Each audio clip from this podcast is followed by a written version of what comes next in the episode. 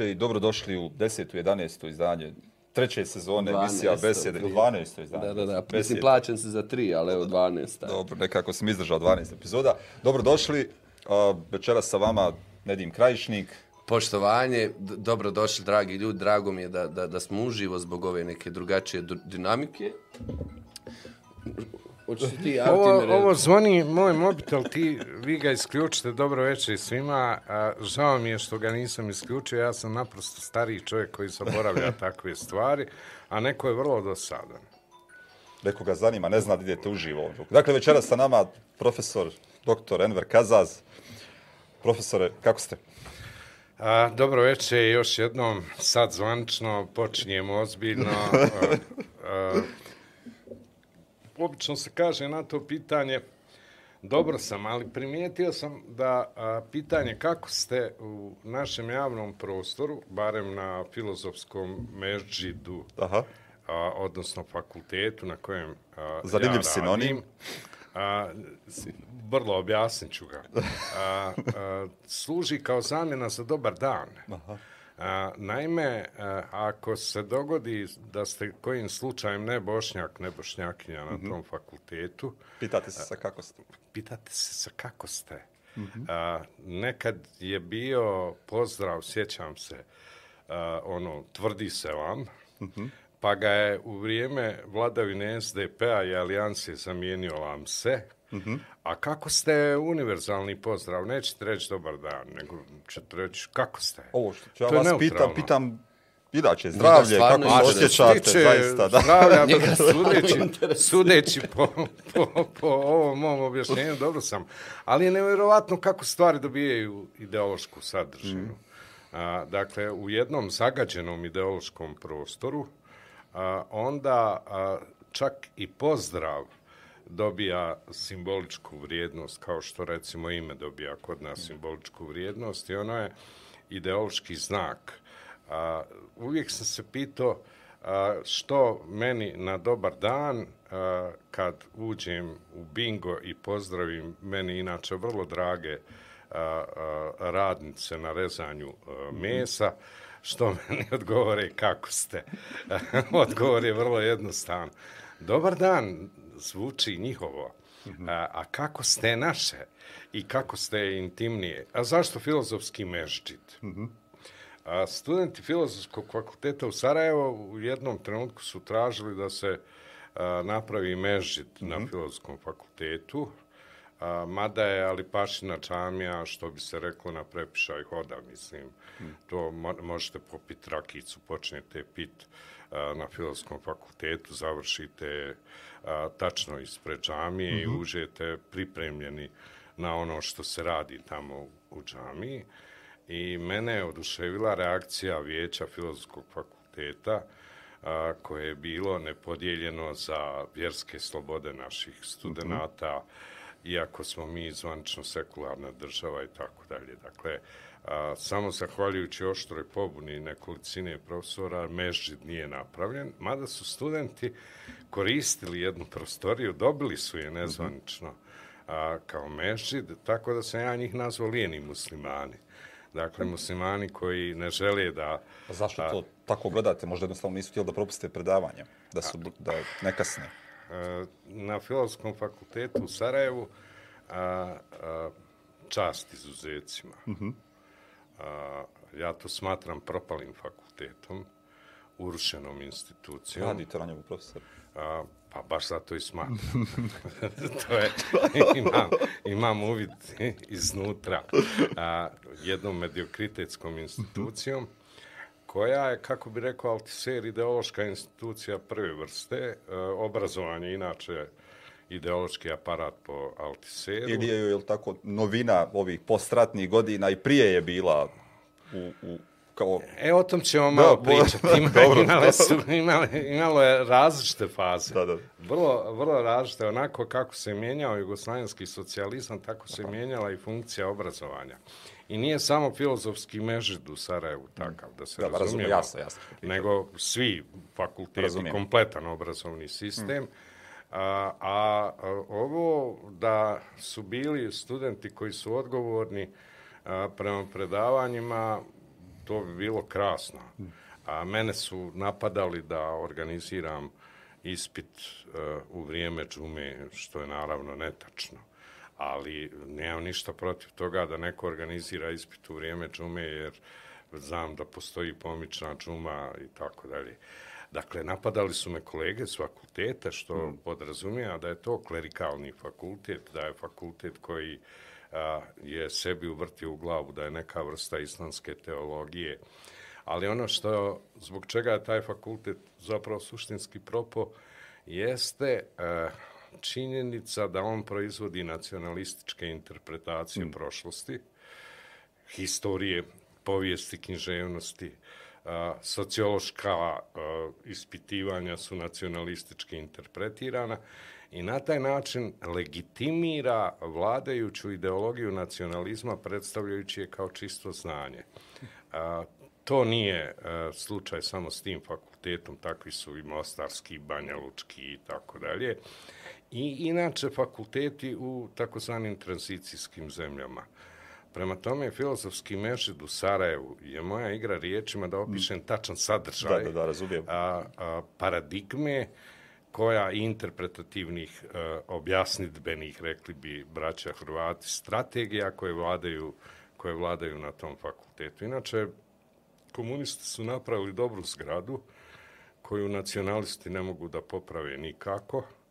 A, komunisti su napravili jedan filozofski fakultet a, za cijeli prostor Bosne i Hercegovine. Nacionalisti su samo na bošnjačkom dijelu teritorije napravili Tuzlu, Zenicu, Mostar, Bihać, Sarajevo. Je li to znači da nam nauka cvjeta, ova A, paradoksalno je, nikad a, nije bilo više filozofskih fakulteta, manje objavljenih mm. radova. Da, da.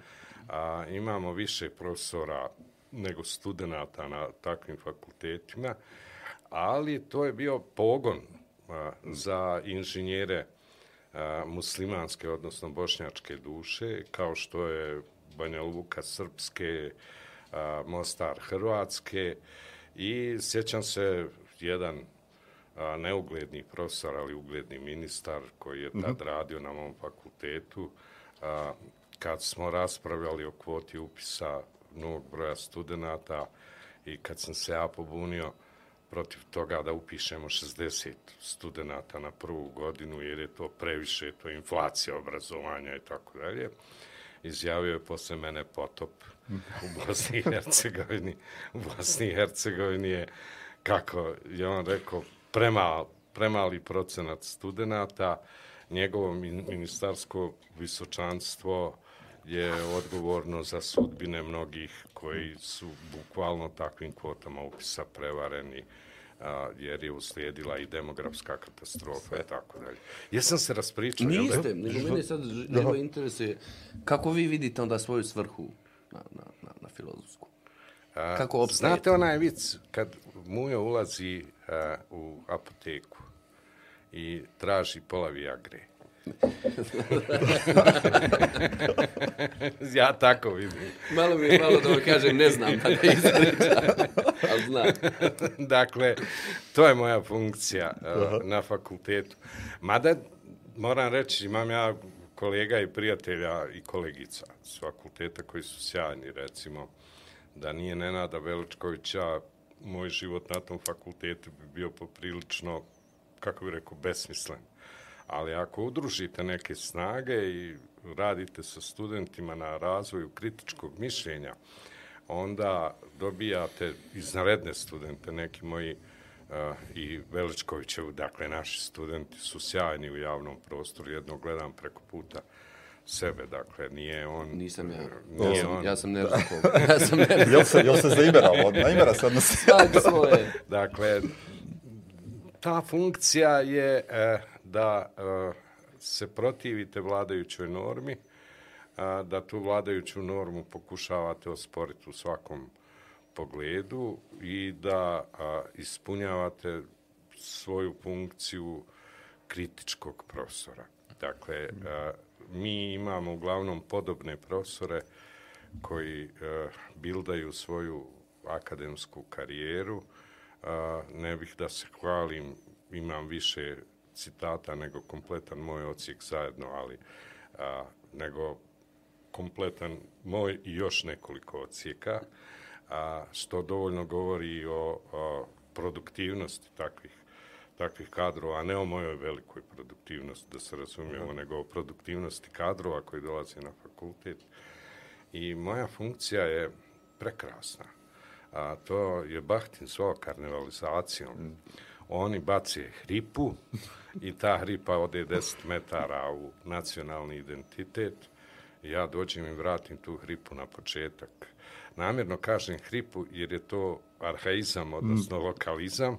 A, I takva vrsta bacanja kamena s ramena u nauci je inače sport a, karakterističan za a, ono što je današnje stanje nauke. Ali, odmah da kažem, šal na stranu, mislim, a, unizveritet u Sarajevu a, je a, nešto što bi bilo najbolje restartovati, mm. ukinuti ovog trenutka, postaviti na fabričke a, elemente osnovne i e, krenuti u proizvodnju lokalnog kritičkog mišljenja, a, kako bi rekao Kun, odnosno krenuti e, u proizvodnju uh, nove, nove vrste onoga što proizvode univerziteti, to su intelektualci. A inače, naše visoko obrazovanje,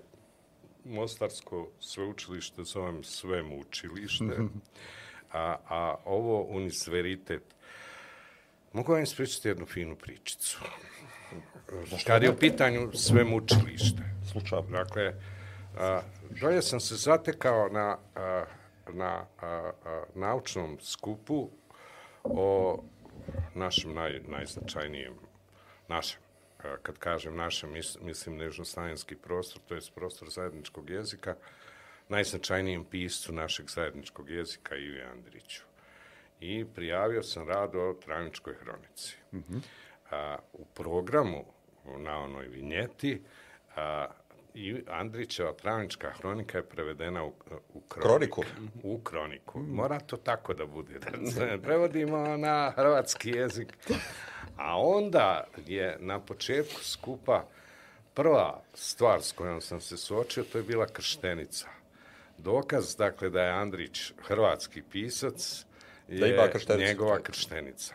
Vrlo, vrlo važan argument, tako da kažem, sa nacionalističkim. Nema kontraargumenta, ne može biti ništa drugo, da, ja mislim. krštenica je dokaz, dokaz. Ne Andrićeva ekavica i ne Andrićevo izjašnjavanje pa. i tako dalje. Ali sve je smiješno, mislim, Andrić je bio jugoslavenski integralist prije svega. I uh, to su isti uh, oni profesori, profesorice, uh, koji koje su uh, uh, Andrića uh, demonizirali zbog konvertitstva. Uh, samo je trebalo da se preokrene malo situacija i da se dogodi da Andrić malte ne bude proklašen najvećim piscem endehazijske fantazme u Mostaru, jer u Mostaru imate ulicu Mile Budaka, ti profesor šute o tom i tako dalje. Kako ste vi? Pa, mi smo jako dobro. Barem za, ne samo za Nedima ja imam mnogo problema, profesor, da vas ne opterećujem. ovaj, nekoliko stvari, ovo recimo pitanje citatnosti ćemo ono, kasnije vezano za zakon nikad u raspravu. Ja, dakle, to ćemo malo se ono, dotaći toga. Ono što mene više zanima, evo, dakle, za, teško da ovi naši gledatelji i gledateljice ne znaju ko je Edward Kazaz, ali evo, vidjeli ste sad, dakle, neko ko vrlo jasno, precizno govori stvari, bez Hrabro. da to bude, bez da to budu one očekivane floskule i nešto što je uobičajen iskaz nekoga gdje se, gdje se vraća. Dakle, vrlo jasno nazivate, nazivate stvari i govorite. I ono što uh, ima veze sa svim ovim filozofskim fakultetima koji se nalaze ovdje, zapravo bi na, na filozofskom fakultetu trebalo biti leglo, nemam bolju termin, a, intelektualaca, nekoga ako zaista govori bitne i važne stvari vezane za društvo, pojavu unutar društva, da, bilo komedijsko. Tu ste potpuno pravo, izvinjavam se što prekidam. Pogledajte, kao institucija, a, filozofski fakultet u Sarajevu svega se dva puta oglasio. Hmm. A, kritički. I oba puta, što bi narod rekao kad je bila u pitanju njihova guzica. Hmm. Jednom to zajedničko oglašavanje bilo je a, vezano za nabavku vakcina i drugi put a, kad je bivša ministrica kantona a, Sarajevo pokušala da promijeni zakon o visokom obrazovanju. I to je sve što je ta institucija a, u, od rata na ovamo, u tih gotovo 30 godina uradila a, i a, naravno radila ona mnoge stvari, mnoge skupove i tako dalje, ali a, uradila u prostoru kritičkog mišljenja. A, da o, taj podatak a, uzmemo a, i uporedimo sa funkcijom tog fakulteta u predratnom, dakle u vremenu bivše Jugoslavije, puno više se kritički govorilo u takozvanom Titovom totalitarizmu, nego u takozvanoj demokratiji danas. Gdje vlada sloboda mišljenja, sve, pluralizam. Neće vam niko ništa. Da, da. Osim što će vam prijediti faktor stav, ne znam, Razapinjati vas. Mreže i tako Moram priznat da mi je bilo zabavno da nas to iščitavate. ja, ja uživam čitajući, dakle, da sam, ne znam, anti, antiteista. Antiteista. To je meni ljudi se pohvala. trude oko vas, baš se trude. Ma, to je meni pohvala, mislim. Posjetite pola svog života, ono kako da, da evo opet arhaizam ohakaju profesora Kazaza. Nije to loše. E, Dobro je to, mislim. Ne, ne obraćam pažnju zaista na te stvari, ali e, ako je uzor demokratičnosti za a, vladajuću političku partiju Erdoganov odnos prema medijima i način na koji se discipliniraju intelektualci i intelektualke u javnom prostoru, Turskoj. a, a u Turskoj se hapse. Tako je. A onda, Za uredu predsjednika. Da, za uredu predsjednika. I to nije onda autoritarni, nije totalitarni. Ali nije, nije to lično Erdogan, nego institucija predsjednika. Da, on, on iz- izlazi iz svoga tijela u zgradu. I, Ja ne vidim tu. Gdje počinje, gdje završava. to je naj, naj, najzabavnije u svemu, dakle, vrijeđa instituciju predsjednika. da, Nećemo mi nikad više na odmoru u Tursku. Ali ako je, dakle, ako je to a, ideal i ako se na taj način a, postavlja a, turkofilija kao a, identitarni narativ Bošnjaka, onda ja kažem ovo, a, Bošnjaci koji su formirali u začetku vrijeme Austrougarske tu naciju, taj nacionalni identitet, formirali su o, na narativima racionalizma i prosvetiteljstva.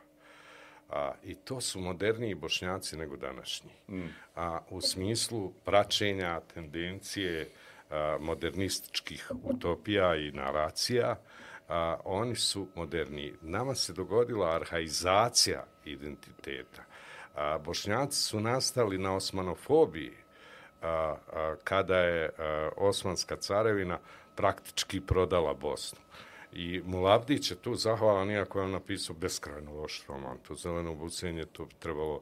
A, U školske lektire konačno staviti. staviti, staviti u Da djeca školske lektire čitaju. kao primjer lošeg romana, ali, a, dakle, a, on tamo koristi pojam Turkiše za one bošnjake koji su opredjeljeni osmanski. I to je pogrdan projam.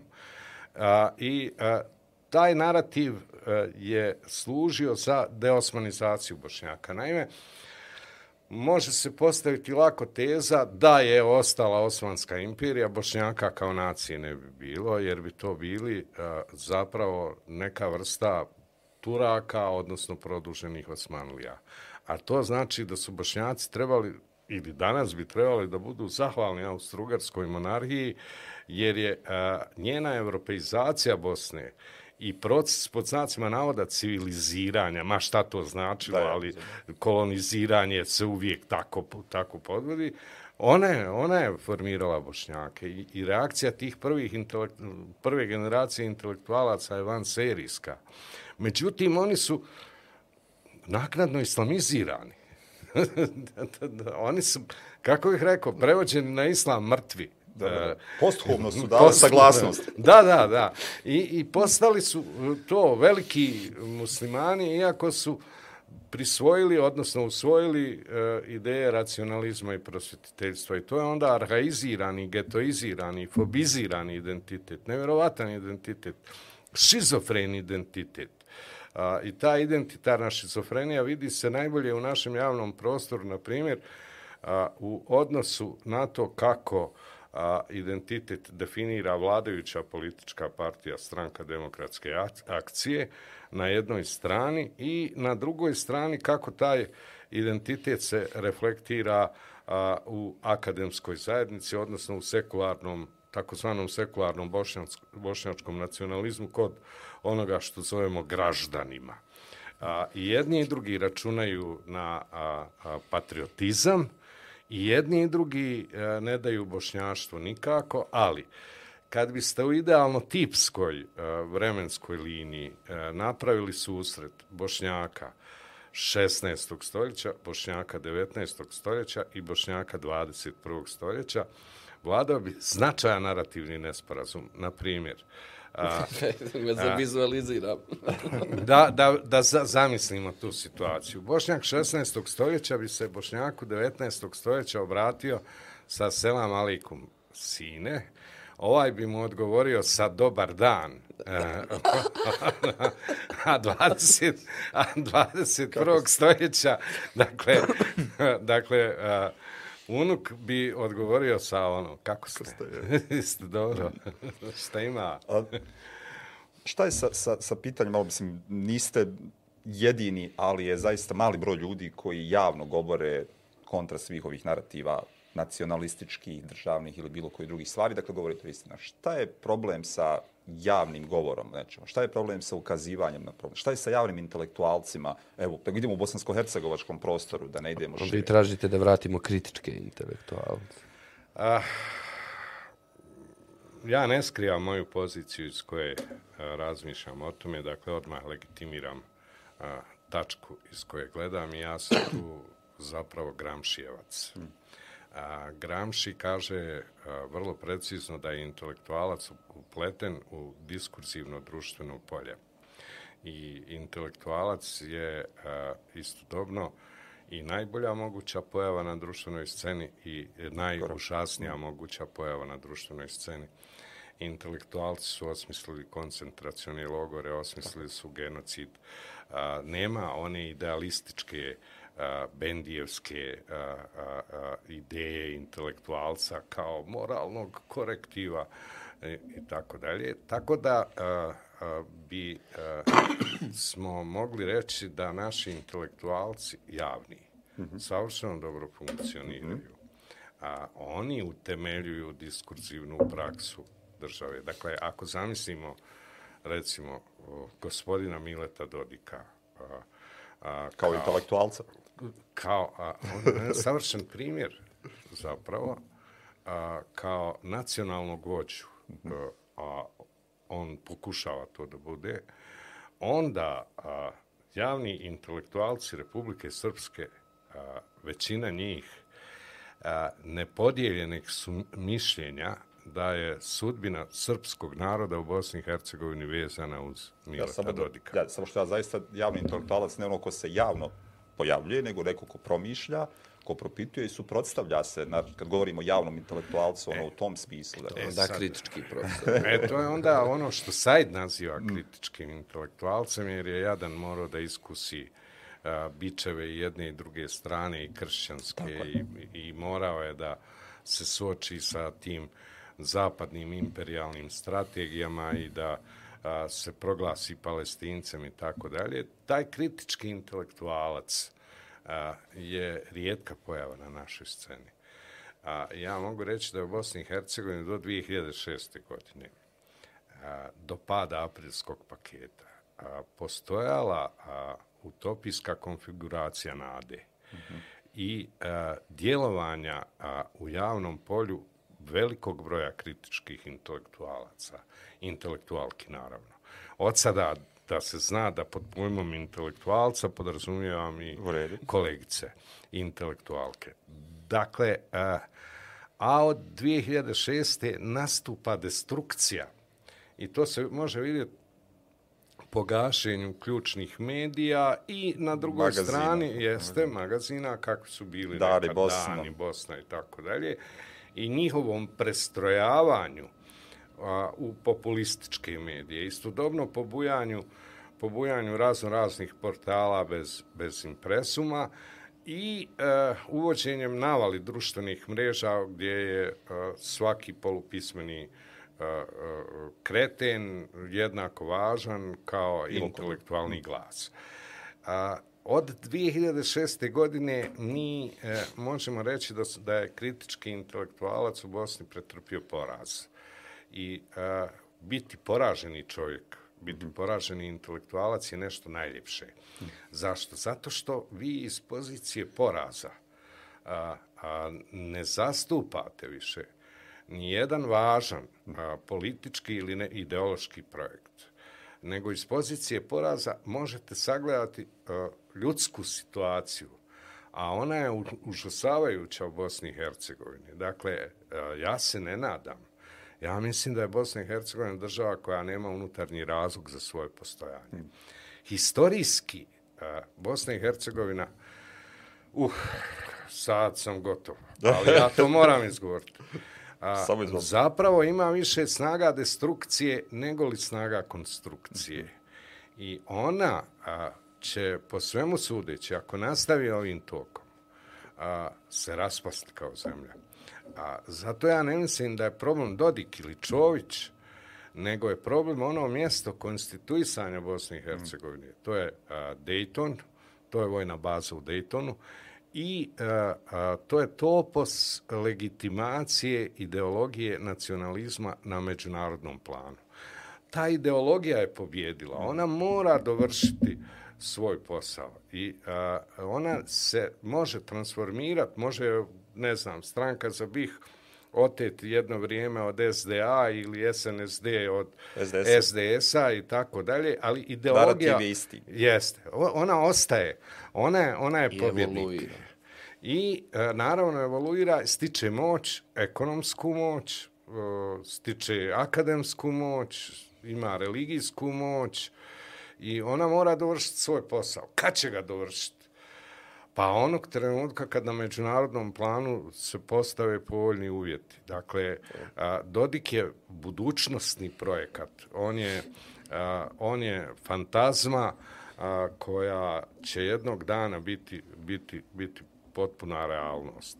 S druge strane, s druge strane, kad govorim ovo, ono, onda imam u vidu a, i cijeli proces rastakanja bivše Jugoslavije a, i način na koji je a, nacionalizam prodro u sve strukture. A, naime, bivša Jugoslavija je bila federacija, a, u kojoj a, se nacionalno pitanje neprestano rješavalo. Dva su subjekta izvela revoluciju u bivšoj Jugoslaviji. Jedan je nacija, drugi je radnička klasa. A, I e, drugi svjetski rat tumačen je kao dvostruko oslobođenje, klasno i nacionalno. A, tako da je sam socijalizam zapravo u svojoj leninističkoj a, težnji da riješi nacionalno pitanje prizvao nacionalizam. A, za, I time je lako objasniti kako su komunisti postali nacionalisti. Oni su zapravo radili na istom zadatku, jer su E, rješavanje nacionalnog pitanja shvatili kao stalni proces. Ne jednom završeno nacionalno pitanje, recimo Ustavom iz 74. godine, a, koji je definirao decentraliziranu federalnu državu. I kažu mnogi otvorio put raspadu. I mnogi kažu otvorio put raspadu. To je jedan od razloga. da. Moj profesor mi vratio, jedan od razloga. A, a u stvari je time definitivno završeno uh, u, u ono što bismo mogli reći nacionalnom, nacionalnim pitanjem uh, na prostoru bivše Jugoslavije. I onda su, onda je došao nacionalizam i rekao ja ću to autentičnije riješiti. I, uh, Bosna i Hercegovina je zemlja nezavršenog rata. Hmm Bosna i Hercegovina je zemlja u kojoj je rat svojnog prebačen u političko polje i u kojoj je politički diskurs uh, pljačkaški, militantni, uh, lažan, dosloboga lažan. Ti ljudi nas lažu, uh, kako bih rekao, svakodnevno. Ali posljedica je uh, da uh, mi nismo nikada izašli iz stanja rata. I mentalna konfiguracija naša je zapravo ratnička. I karakteristika svih tih identiteta ovdje, nacionalnih, jeste da je nekadašnji neprijatelj koji je bio s polja, a, koji su bili, recimo, ne znam, Nijemci za Titovu Jugoslaviju, koja je bila germanofobna, zamijenjen prvim susjedom etničkim koji je dijelio istu ili sličnu povijesnu sudbinu i postoje sve povijesni demonski neprijatelji. A istodobno, taj neprijatelj je utemeljen na politizaciji Boga. Bog je sišao s nebesa, Bog nije više metafizička instanca, on je izgubio etičke prerogative, on je postao politička instanca. Dobio je etničke prerogative. Dobio je, tako je i šta se dogodilo?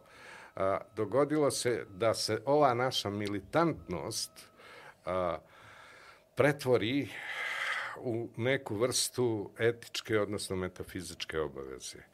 A, taj kalambur u identitetu je nemoguće riješiti. Zato su vjerske zajednice, zbog ovog su me napali, pa da to ponovim još jednom, u jezičkoj... Da osvježim da, da, da osvježim Ako panče. nešto mi dosta među vremena.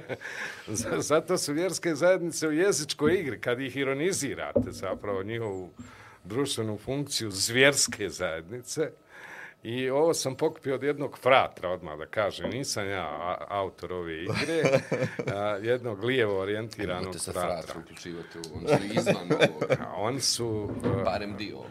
oni su sama so Bosni i Hercegovine, što rekli ovi, mada to Franjevačka zajednica, znate. Da, da, da vratim. Imam, mogli- u- Ajde, izvolite. Daj mi jedno. Ne, ne, ne dam ti nijedno. Pa Pa nemoj, izvoli ne prvo. mislim, ja Knjige toliko pričam kad da, Da da, nam Dejan Ilić. Nije pao Dejan Ilić. Jes pao Dejan Ilić. Um, i volio bi kasnije negdje da se vratimo. I ja, ja, ja stvarno nemam pojma što stoji iza vašeg konstrukta kritičkog kritičkog mišljenja, kritičkog bilo čega, kao da, da, da što što stoji, stoji u vašoj glavi, ali da, da nam ne izgovarate.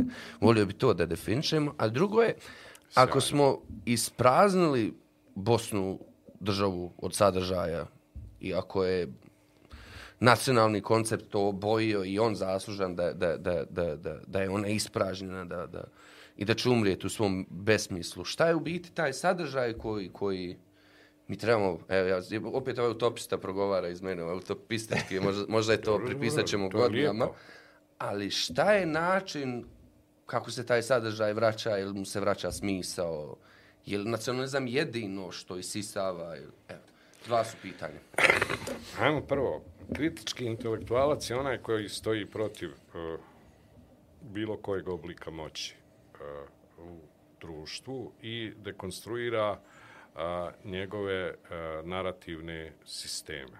Dakle, a, on je onaj koji a, iz perspektive neke, a, ako hoćete, bilo kakve kom, i utopijske konfiguracije, a, analizira a, društvenu stvarnost i otkriva a, zamke koje postavlja ideologija kao što bi rekao Terry Eagleton suvremena mitologija. Ona je svuda oko nas. A, takav kritički intelektualac a, je a, uvijek a, u outsiderskoj poziciji i a, u poziciji nekoga ko a, mora nužno doći u sukob s moćnicima. Bez a, intelektualac koji nije u sukobu sa nekom moći, akademskom moći, političkom moći, religijskom moći, eh, ekonomskom moći, kako god moć definirali, a, on ne može zaslužiti status kritičkog intelektualca. A kad kažem da je poražen kritički intelektualac na prostoru Bosne i Hercegovine, vi nemate opisivanje ovdašnjeg kapitalizma. Nikoga zapravo ne opisuje. Koja je priroda kapitalizma u Bosni i Hercegovini? Prvobitna akumulacija kapitala, zaklonjena iza religijskih narativa i nacionalističkih narativa sa pljačkaškom a, svojom prirodom i a, vampirskom eksploatacijom radnika i radnica i nevjerovatnom gramzivošću skorojevičke klase koja se pojavila u društvenom sjajno. polju. I to je, e, to je priroda tog kapitalizma. Koji intelektualci o tome govore? Mi smo zabrinuti za državu Bosnu i Hercegovinu, kako bi rekli pojedini intelektualci, a o kvalitetu te države Da. ne govorimo uopće. To je propala država, to je privatna država, to je država u službi uh, užasnog, uh, uh, užasne klase moćnih kapitalista koji uh, na nevjerovatan način su stekli taj kapital, nevjerovatan kad kažem, onda mislim na to da su vladajuće političke partije u potrebi da odgoje svoju elitu, sve ono dobro što je napravio Titov sistem rasprodale, a, obescijenile, a, opljačkale i društveno dobro je pretvoreno u privatno dobro. Istodobno, a, državne institucije su privatne institucije. Ne odlučuje se u državi prema zakonima i nekim normama u državnim institucijama, nego prema privatnim vezama. Takav, takav glas, a, odsustvo takvog glasa, zapravo svjedoči o izdaji što intelektualca. Nemate, da, da. nemate toga. Mi smo svi pristali na, na kapitalizam. Pristali smo da on mora biti takav, a ne mora biti takav. Naprosto ne mora. Sindikati su pristali na takav kapitalizam. E sad, uloga filozofskog fakulteta u Sarajevu bi bila da demaskira narative tog kapitalizma. A filozofski fakultet u Sarajevu kaže daj mi moju plaću. Uh, I to je sve što on može da kaže. Nabavi mi vakcinu da ostanem živ, uh, dok drugi umiru. Dakle, i onda istodobno govori o velikom bošnjaštvu i, i, i, i slične stvari.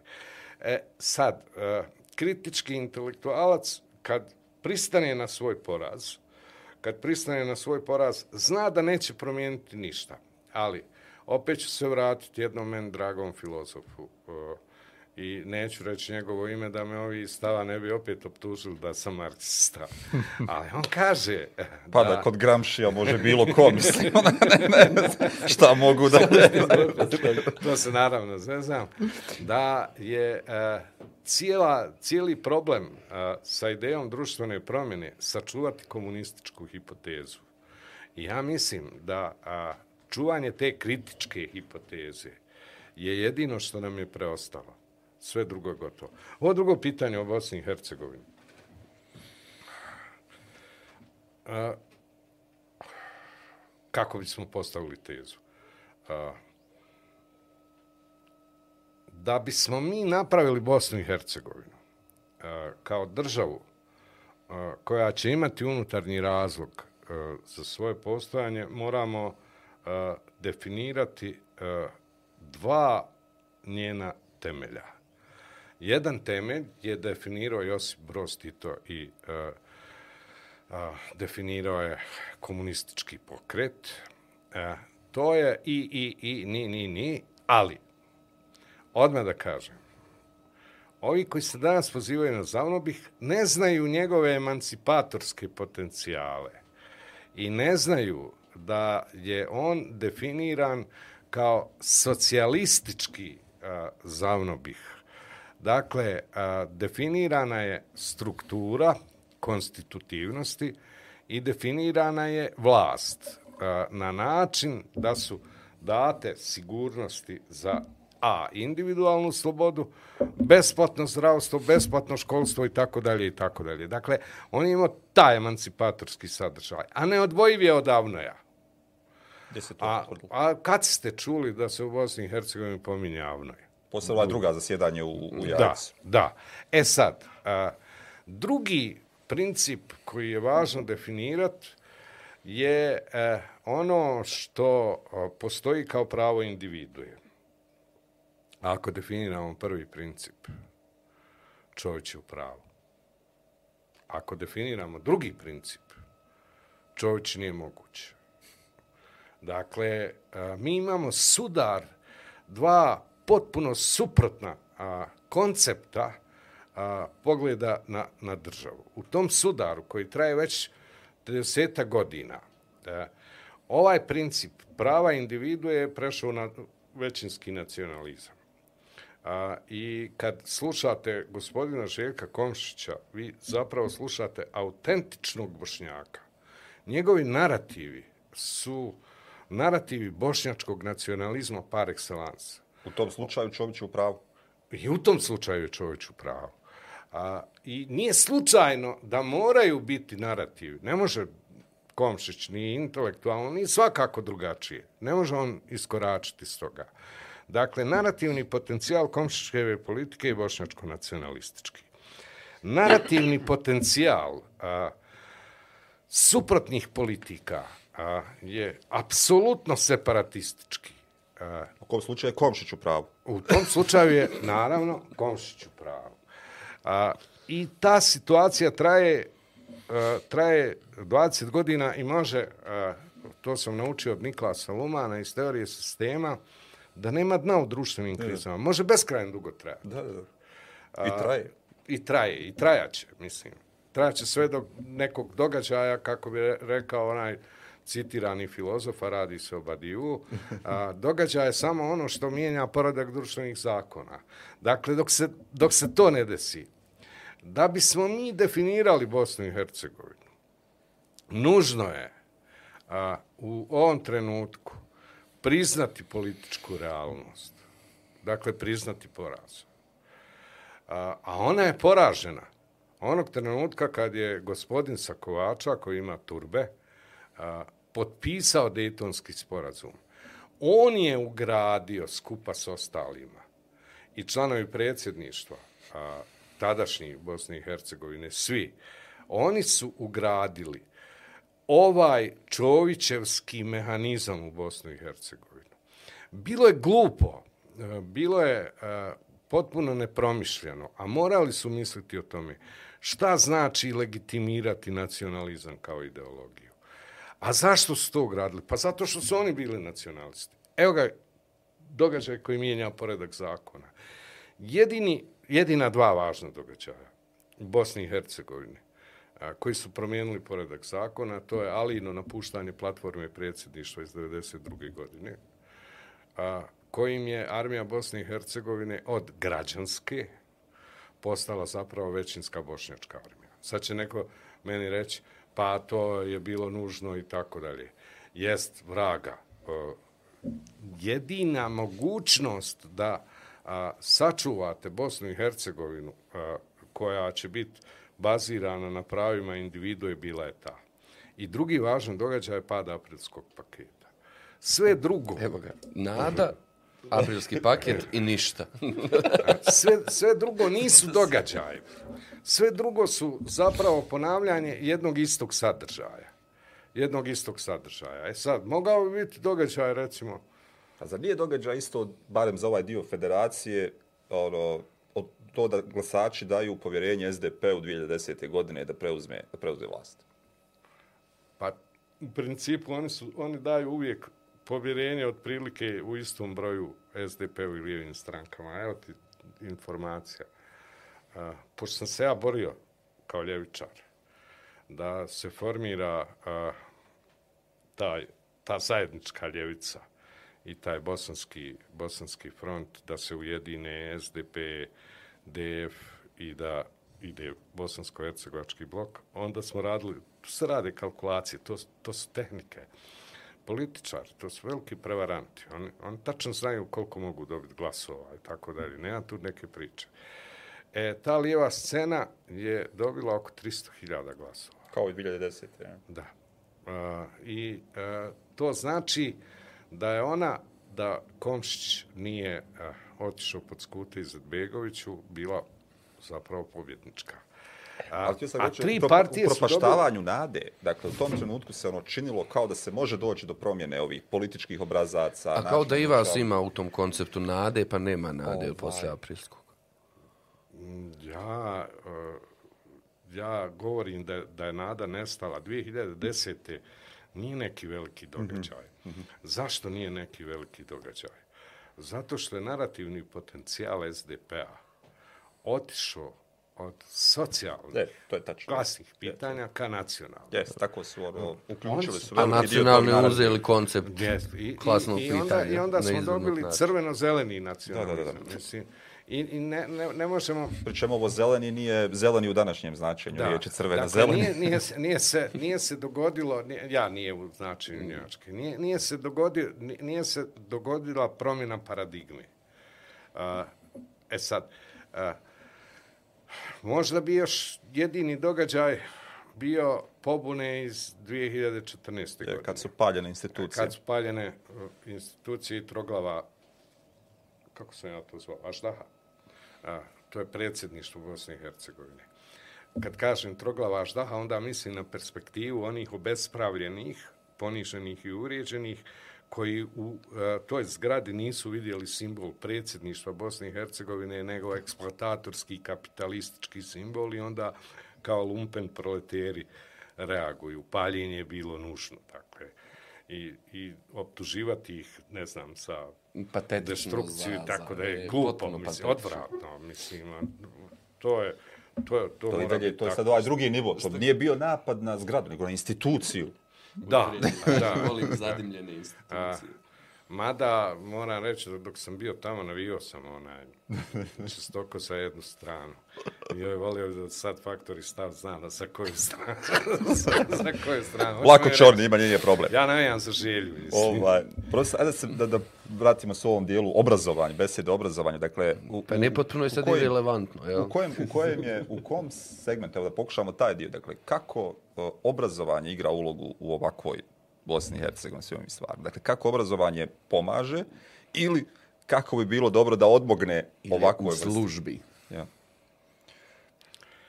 E, ja mislim da obrazovanje odmaže. Dobro. Pritom je taj filozofski nama jako važan, jer odgaja buduće nastavnike. Ja, da, ali ne samo on. E, a, ja mislim da obrazovanje odmaže i da je obrazovanje propalo. I da je to nepopravljivo. A, I neću da dajem lažnu nadu.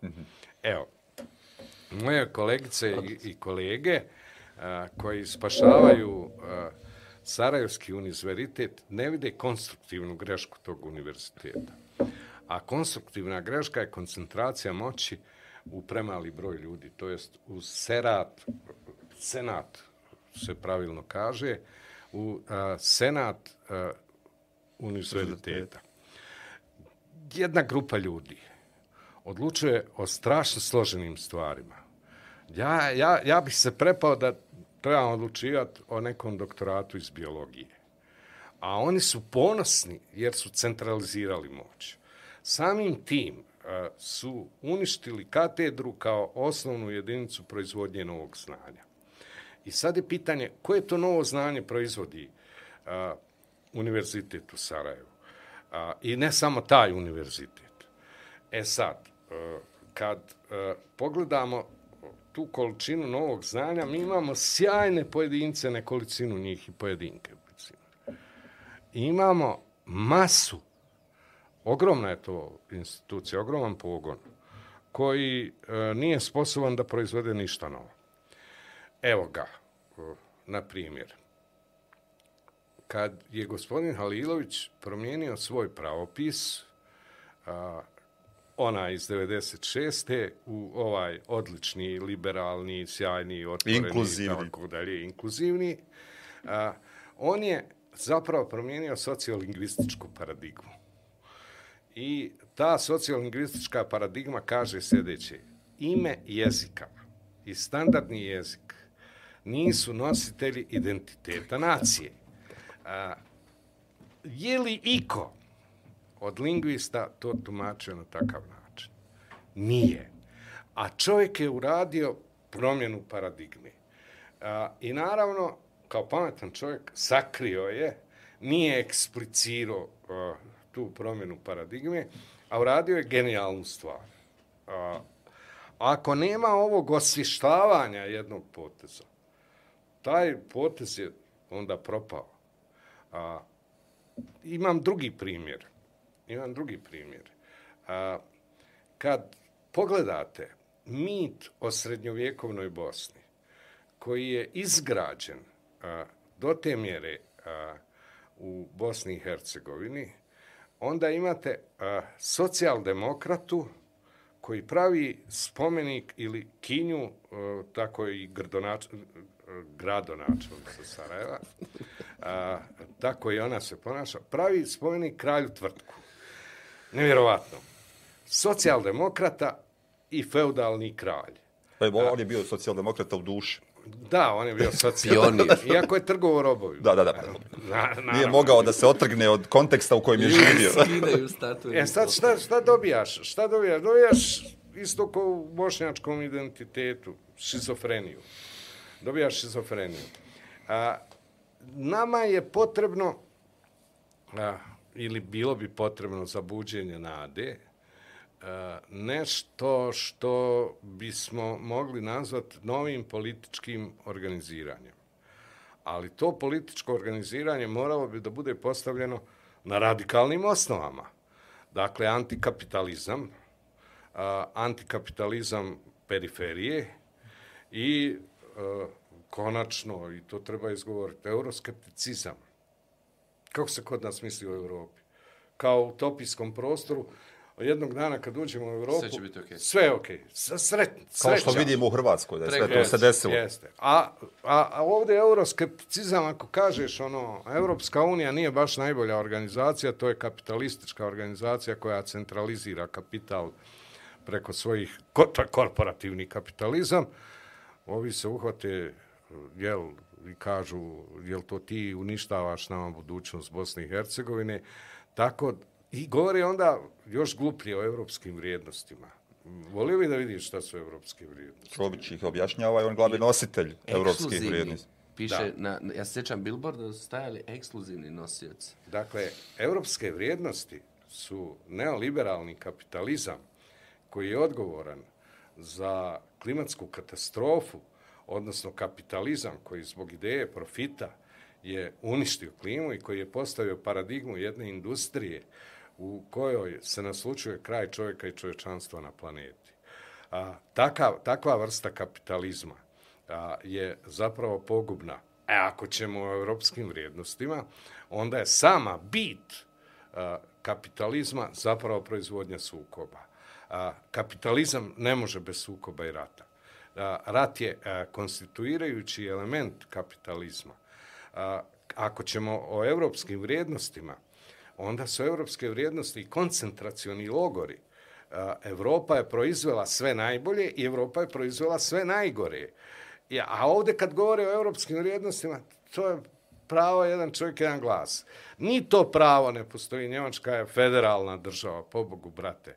Može i Bosna i Hercegovina biti federalna država. Šta je problem da bude federalna država? Ne, odmah će ustati jedinstvena građanska i selamska. Mislim, odmah ustanu. Ne, ne, ne, ne, naprosto nema mišljenja a, a, koje će razigrati različite budućnostne scenarije i otvoriti prostor mogućnosti da idemo a, u nekoliko pravaca, a ne imamo samo jednu jedinu alternativu. Je, Podsjeti, je li bi dobro je euroskeptik? ja, ja mislim da je skeptik u svakom slučaju. A sad da, je to euro. odgo, da je to odgovorno i da je to na tragu kritičkog intelektualca. Eto je. ovaj, skepticizam kao tako. Nego se sjećam da, da, da smo pričali o tom konceptu. Sad ispade, evo, ispravite me. A, dakle, onog trenutka kad je, po, od kad imamo ovaj dogovor koje Evropske unije, imamo i mir. Znači da kapitalizam, brutalan kakav je, osigurava mir u selektivnim prostorima, pa možda i u Bosni i Hercegovini. Ja, ja, ja se ne slažem. Znaš šta? Odnosno, znate šta? A, vrlo precizno. Nije to mir. Negativni. To je stanje nemoći. A, Bosnu i Hercegovinu karakterizira a, odnos nemoći. A, I a, da je mir, a, mi bismo a, imali a, politički konflikt na nekim drugim osnovama, poreskim, na primjer. Odličan je ovaj konflikt oko koeficijenta, to jest Pondera pondera, to jest pondera, oko koeficijenta kojim je Sarajevo zapravo dobilo jedan značajan šamar od uh, antisarajevizma. uh, prisutnog na političkoj sceni. Odličan zato što je to izazvalo unutar partijske sukobe. U svim Za- partijama. Da, da, u svim. Da, da. To je- to je su sve partije bile jednoglasne. pa Da, da, da, to je, to je odlično. Je li to događaj? Nije. Nije. Nije, zato što to... To će se riješiti vrlo brzo. Da, Šta je ma, 90 vrlo jeftino, mislim. Blag, To manifestacija. je, to je oko para, to je, to je, to je ništa. Ali meni je puno, va- puno važnije ovo. A, Dakle, ravnoteža nemoći a, ne možemo je proglasiti mirom. E sad, kapitalizam u, u, u periferiji a, proizvodi nešto što nije vidljivo. To je demografska katastrofa. I sve su zemlje a, koje su tranzicijske zemlje zapravo poslužile kao prostor za a, a, popunjavanje biološke mase centralnih zemalja. A, nacionalisti su ratovali za a, teritorije, a te teritorije su ispražnjene od stanovništva. Hrvatska je pobitnička zemlja u ratu. Ona nema problem konstituisanja države ko Bosne i Hercegovine Članica Europske unije. članica Europske unije i ostaje bez svog stanovništva. Toliko o Europskoj uniji, toliko o tom kapitalizmu. Ničarski Boš ti mene potpuno. sačuvaj. Bo- Boš ti mene sačuvaj, mislim. To, to je uh, jedan mm, vrlo uh, jasno određen, definiran predatorski sistem. A, I taj predatorski sistem mora gurati priču do kraja. Ili ćemo doći na rubove a, Ruske federacije i postaviti svoje rakete ili nećemo doći na rubove Ruske federacije. Osim toga, antikineskost a, neoliberalnog kapitalizma a, dobija a, oblike rasističkog narativa. A, I to ili a, na drugoj strani sve neoliberalne slobode pale su a, pred žicama a, koje su postavljene pred migrante. Pale su zidom u Meksiku. To su događaji. A o čemu mi raspravljamo? A mi raspravljamo o pravu jedan čovjek, jedan glas. I ne vidimo da nas, šta ja znam, izrebljava, izrabljava bingo. Ne, ne ništa protiv binga, kupujem ranu u bingu, izvini bingo. Izvini, bingo. ovo je, ta, ovo je ta, ta, takav šamar. o, ovo je realnost u bosansko-hercegovačkim školama. I sad, sad meni ovo zvuči kao... A, osjećam se kao da, da, da sam saučesnik u jednoj ogromnoj laži, u jednom konstruktu nade koji je više utopijski i mladalački no što je utemeljen na nekom pragmatizmu pa se osjećam loše. A i dalje imam te neke, da li iluzije nade ili stvarne nade u toj...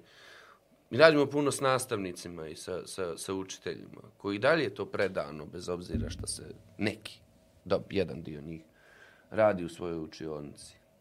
Čuvate zelene oaze za djecu, za, za... Šta za vas do univerzitetsko obrazovanje znači? Ima li sad smisla i o čemu Ne, ne bih ja, ne raspravljati ili bih ima ja, nešto što je onaj, starije od... od. Hoćemo zapaliti cigaretu. Vi slobodno, profesore. A, ne bih ja da moje kolegice i kolege iz srednjih i osnovnih škola ili s fakulteta na bilo koji način omalovažavam. Dragi su to meni ljudi. Ima tamo sjajnih, izvanrednih ljudi. A, I ima ljudi koji, koji rade, ali oni, e, koji rade odlično, ali oni rade u jednom pogrešno postavljenom sistemu. Nije problem u nama u kadrovima, mada i u njima jeste. Problem je u, u, u zadacima, e, pa to Namir odlično zna, mislim, on, on je pokušavao da promijeni ishode, ishode obrazovanja i, i, i onda se susreo s tim šta mi zapravo, šta mi zapravo želimo. E sad, e, ja podržavam svakog kolegicu, kolegu, svakog kolegicu i svakog kolegu koji uh, tamo rade predano, bore se, imaju kritički odnos prema, prema ovom, prema onom. Ne možete imati obrazovanje na kantonalnoj razini. Da, da. Zato što, zato što uh, onda to obrazovanje uh, diskriminira jedne u odnosu na druge u krajnjem slučaju. Tako Na je. primjer, A, filozofski fakultet u Sarajevu se smatra centralnom institucijom. Na njemu je a, in ili fino studirati. Medicinski fakultet in ili fino studirati. A, studenti a, koji, studentice, učenici, učenice, a, ne dobijaju mogućnost da ravnopravno učestvuju a, na studiju Filozofskog fakulteta u Sarajevu i studiju a, u Zenici. Ispričat ću vam slučaj. Moj kolega Veličković i ja smo bili na sudu a, vješta, u, u funkciji svjedoka kad je a, po teritorijalno-administrativnoj osnovi diskriminirana a, kolegica Maja Abačija, koju smo mi predložili za izbor u asistenticu, za asistenticu na našem fakultetu, jer je bila sjajna. A, Kanton Sarajevo je dao novce univerzitetu da zaposli a, ljude a, s, koji su prijavljeni na birovu a, e, u kantonu Sarajevo. A, dakle, svako ko je izvan kantona Sarajevo, nije mogao biti zaposlen na univerzitetu u Sarajevu. Na taj način je primljeno, ne znam, 150 plus, tako je to rektor a, nazvao, 150 plus Maja koja je bila najbolja. Nije mogla biti primljena jer nije a, prijavljena Na birovu tu. na birovu. A, to se zove diskriminacija. Onog trenutka kad a, univerzitet bude vodio računa o tome da nekog ne diskriminira, on će prestati da misli iz logike kantona i počeće da misli o potrebama, recimo, lupam sad, tržišta Tuzlanskog kantona i odgoja kadrova za potrebe Tuzlanske privrede. A on misli u lokalnoj, u lokalnoj kantonalnoj razini. Njegov kosmos je kanton.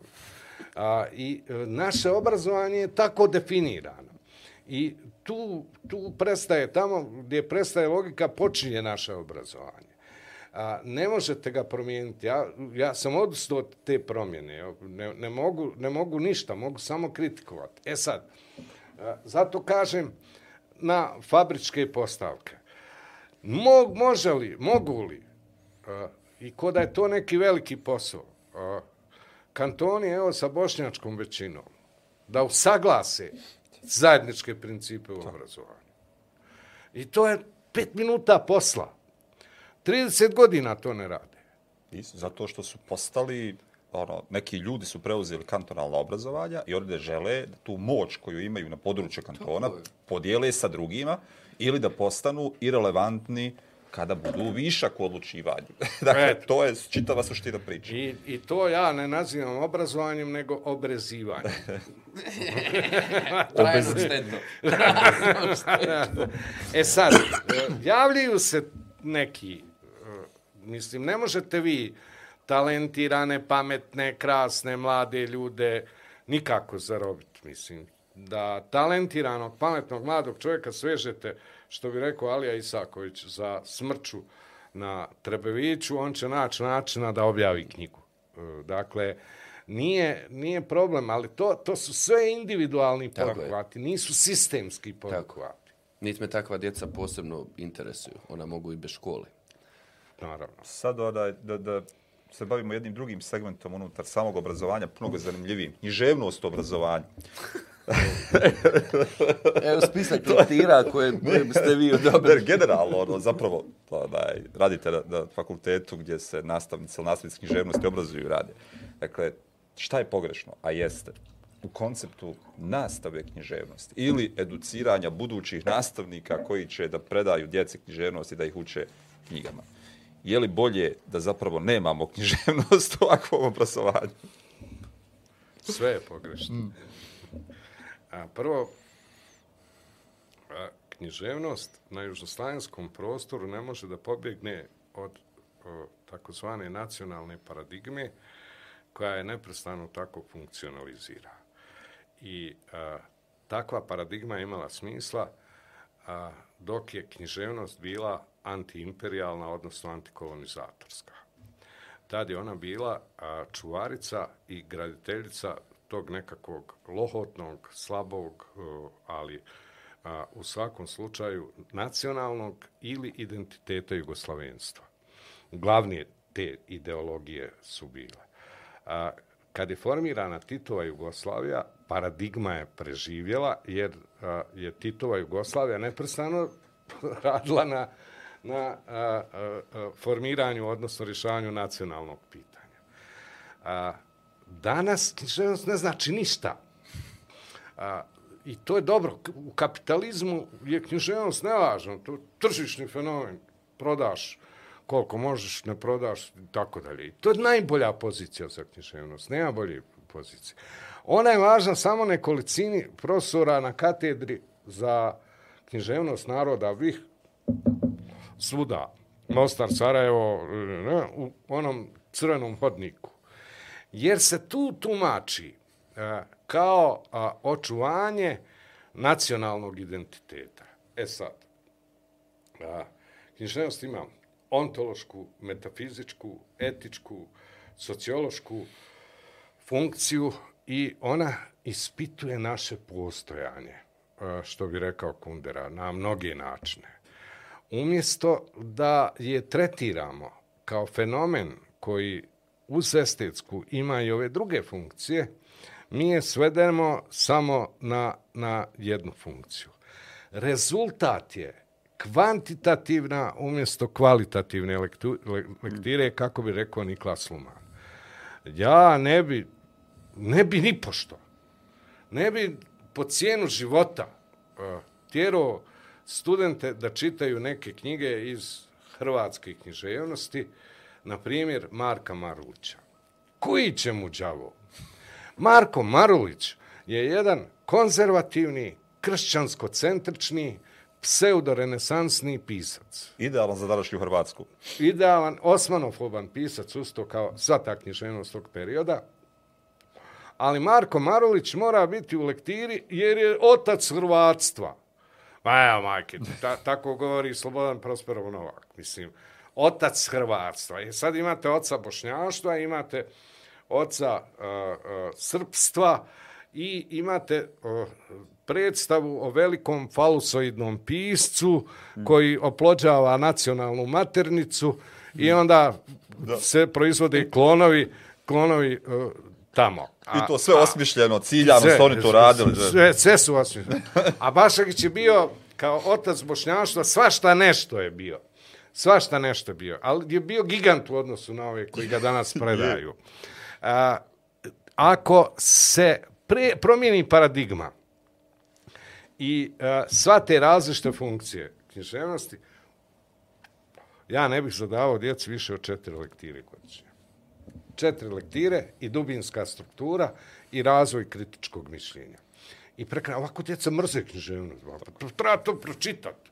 Treba stići stić to, tu, tu količinu tu količinu čemu, pri čemu većina tih knjiga ni na koji način se ne tiče onoga o čemu oni misle, u čemu Tako žive, je. šta ih okružuje, niti o čemu oni razgovaraju, što, njih, što su njihovi stvarni problemi. I to je njima arhaično. Tako je. Ali e. se neko potrudio da im učini blisko. Potrudio se moj, moj, moj ocijek. pa moj ocijek, moj ocijek ima smisla samo da djecu maltretira lektirama. To je ubijanje dječje mašte i ubijanje, uh, ubijanje svakog smisla. Pa ste, ima jedan profesor na mom fakultetu.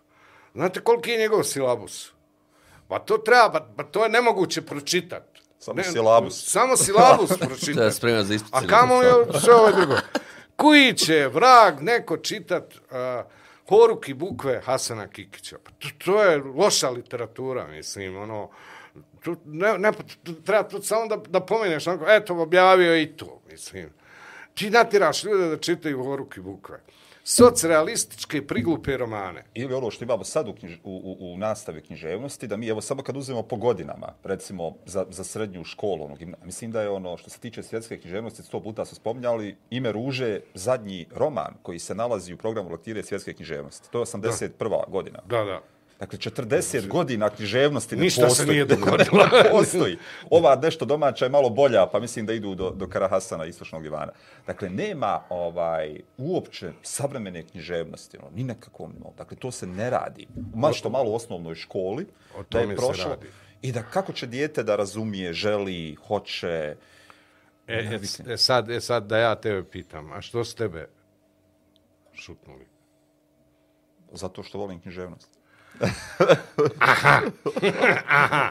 Dakle, porazio te sistem Tako je. koji se želio da promijeniš. A, o tome se radi. E, aj sad, nas dvojica kao poraženi ljudi, savršeno dobro znamo da će nas sistem uvijek sjebat. Hoće. Njemu to nije problem. Ali, e, mene, mene sad zanima kolegice kolege koji e, uđu u razred i maltretiraju djecu.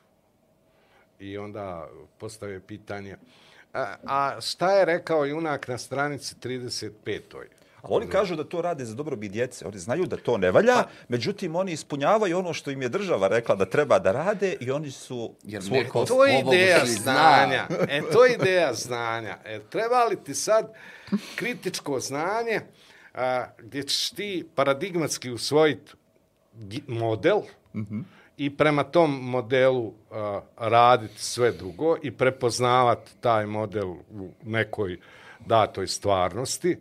A, ili ćeš a, na osnovu pukog zbroja činjenica pukog zbroja činjenica reći da nacionalna književnost Bošnjaka je veoma razvijena. Pa, o čemu, Bolan, šta? Ja sam radio tu disertaciju, bošnjački roman. Sto i nešto romana.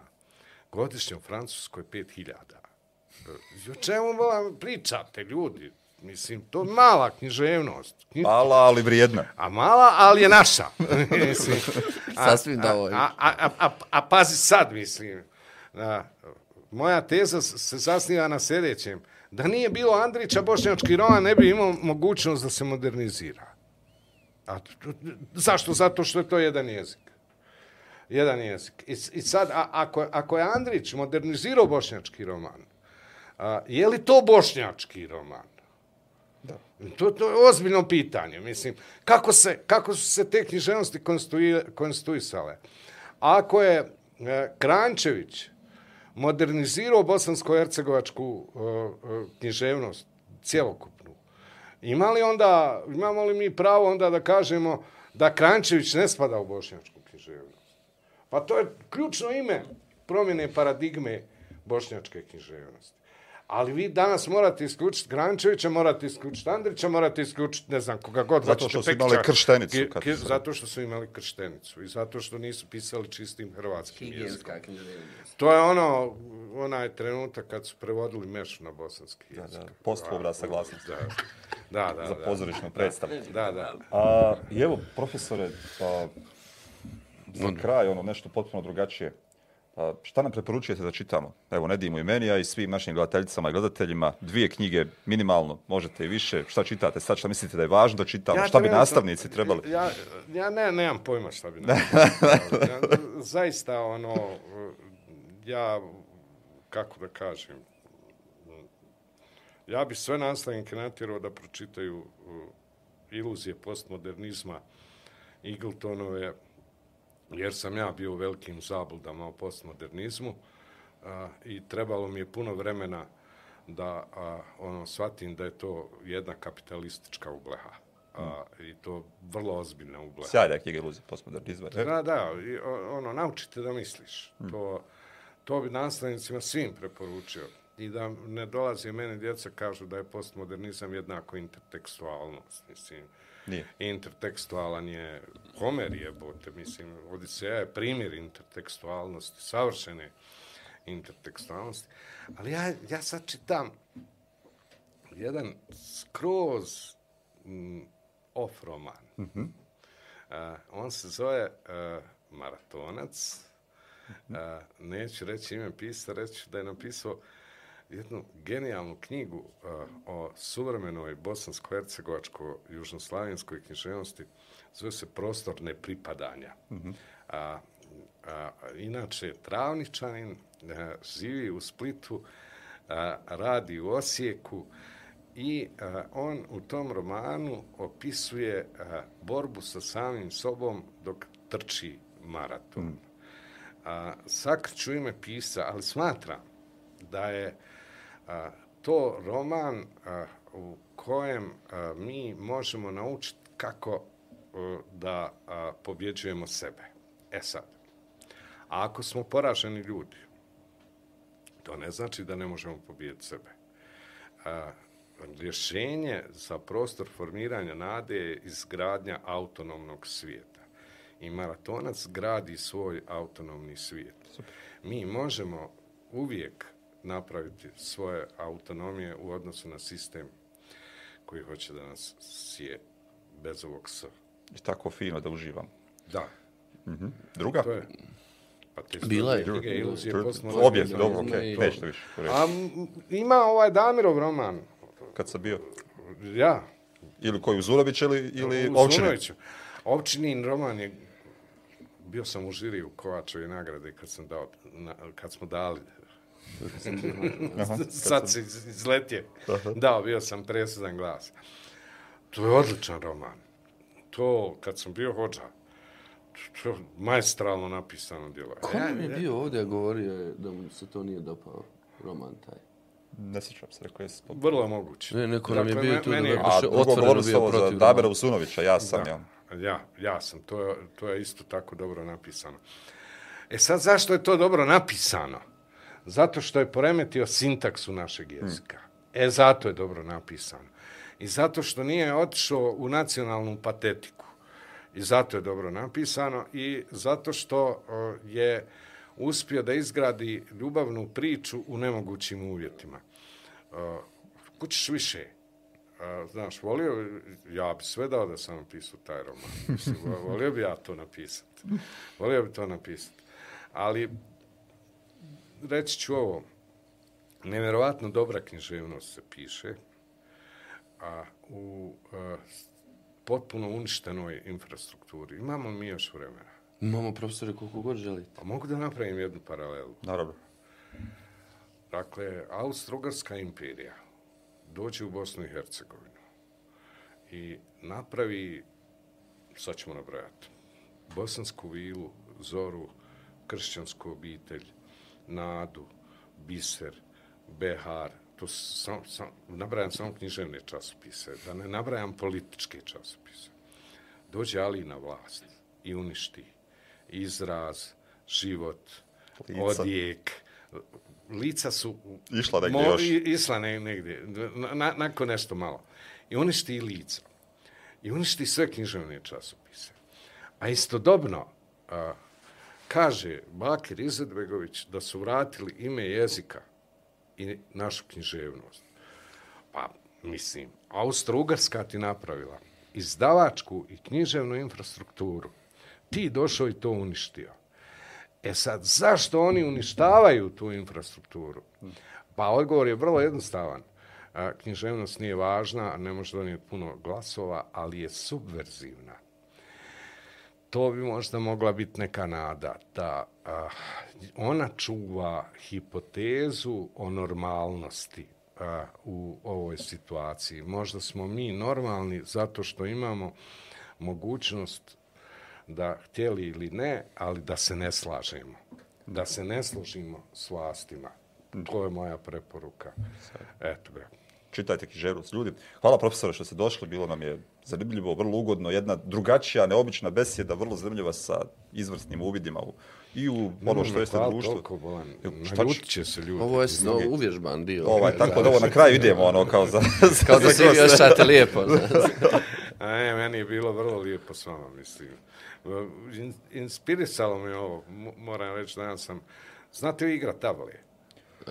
Ja ne tu. Ova hercegovačka nota moje porodice me natjerala na to.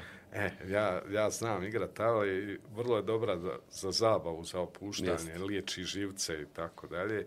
I danas sam igrao table i razmišljao na, na online. I, razmišljao šta, šta ću da Online pričam. online ta, tabla je odlična, mislim. To. Ja igram online Imamo šah. čak Bor, Boris, dru, drugar, kolega iz Mostara, ima dono, igrali smo tablu na poslu, to mu, U, ne smijem to reći. Na, ja, Mene, je- mene, su, mene su namlatili uh, na jednom turniru. Uh, Tavli uh, bio je u, u, u Natmi danu, to jest parku cara Dušana, kako se nekad zvao. Navlat, namlatio mi je Semir Cerić Koke. Što tam ne piše o tom? Koliko je namlatio profesor? Oženio se, jeste mu čestitali? A ne, odlično igra, nevjerovatno kako dobro igra. Nisam mogao igrat protiv čovjeka, odlično igra. Ja sam mislio da znam to igrat nešto. Onda mi- Vježbao, vježbao. Onda mi je rekao, a ti si obično na Martin. Hoćete nam opet doći? Hoću, nekad. Biće, bude. biće sezona. Hvala vama. A, izvinjavam se gledateljstvu što sam bio do sada. Statistika će prosuditi. Um, e, nismo, sve- ovaj, ja da. moram da se profesore, nemojte mi zamjeriti, da se zahvalim jednoj svojoj drugarici. Aha. A, Manu je moja beba, moja stvarna beba, moje, moje dijete. A dobio sam majicu na poklon od naše ovaj, buduće oficijalne Prekrasno. o, dizajnerke Asije. Jest. I ova druga. Namirove Asije, tako da hvala ti Asije na, na, na, na majicama i što se nas natjeralo da sad ovo bude naša sastavna, um, sastavni dio odore. Hvala Imeru, baš ti hvala druže. I Hvala vam. gledateljicama, gledateljima. Hvala profesoru. Čujemo se, vidimo se. Čuvajte se. Pozdrav.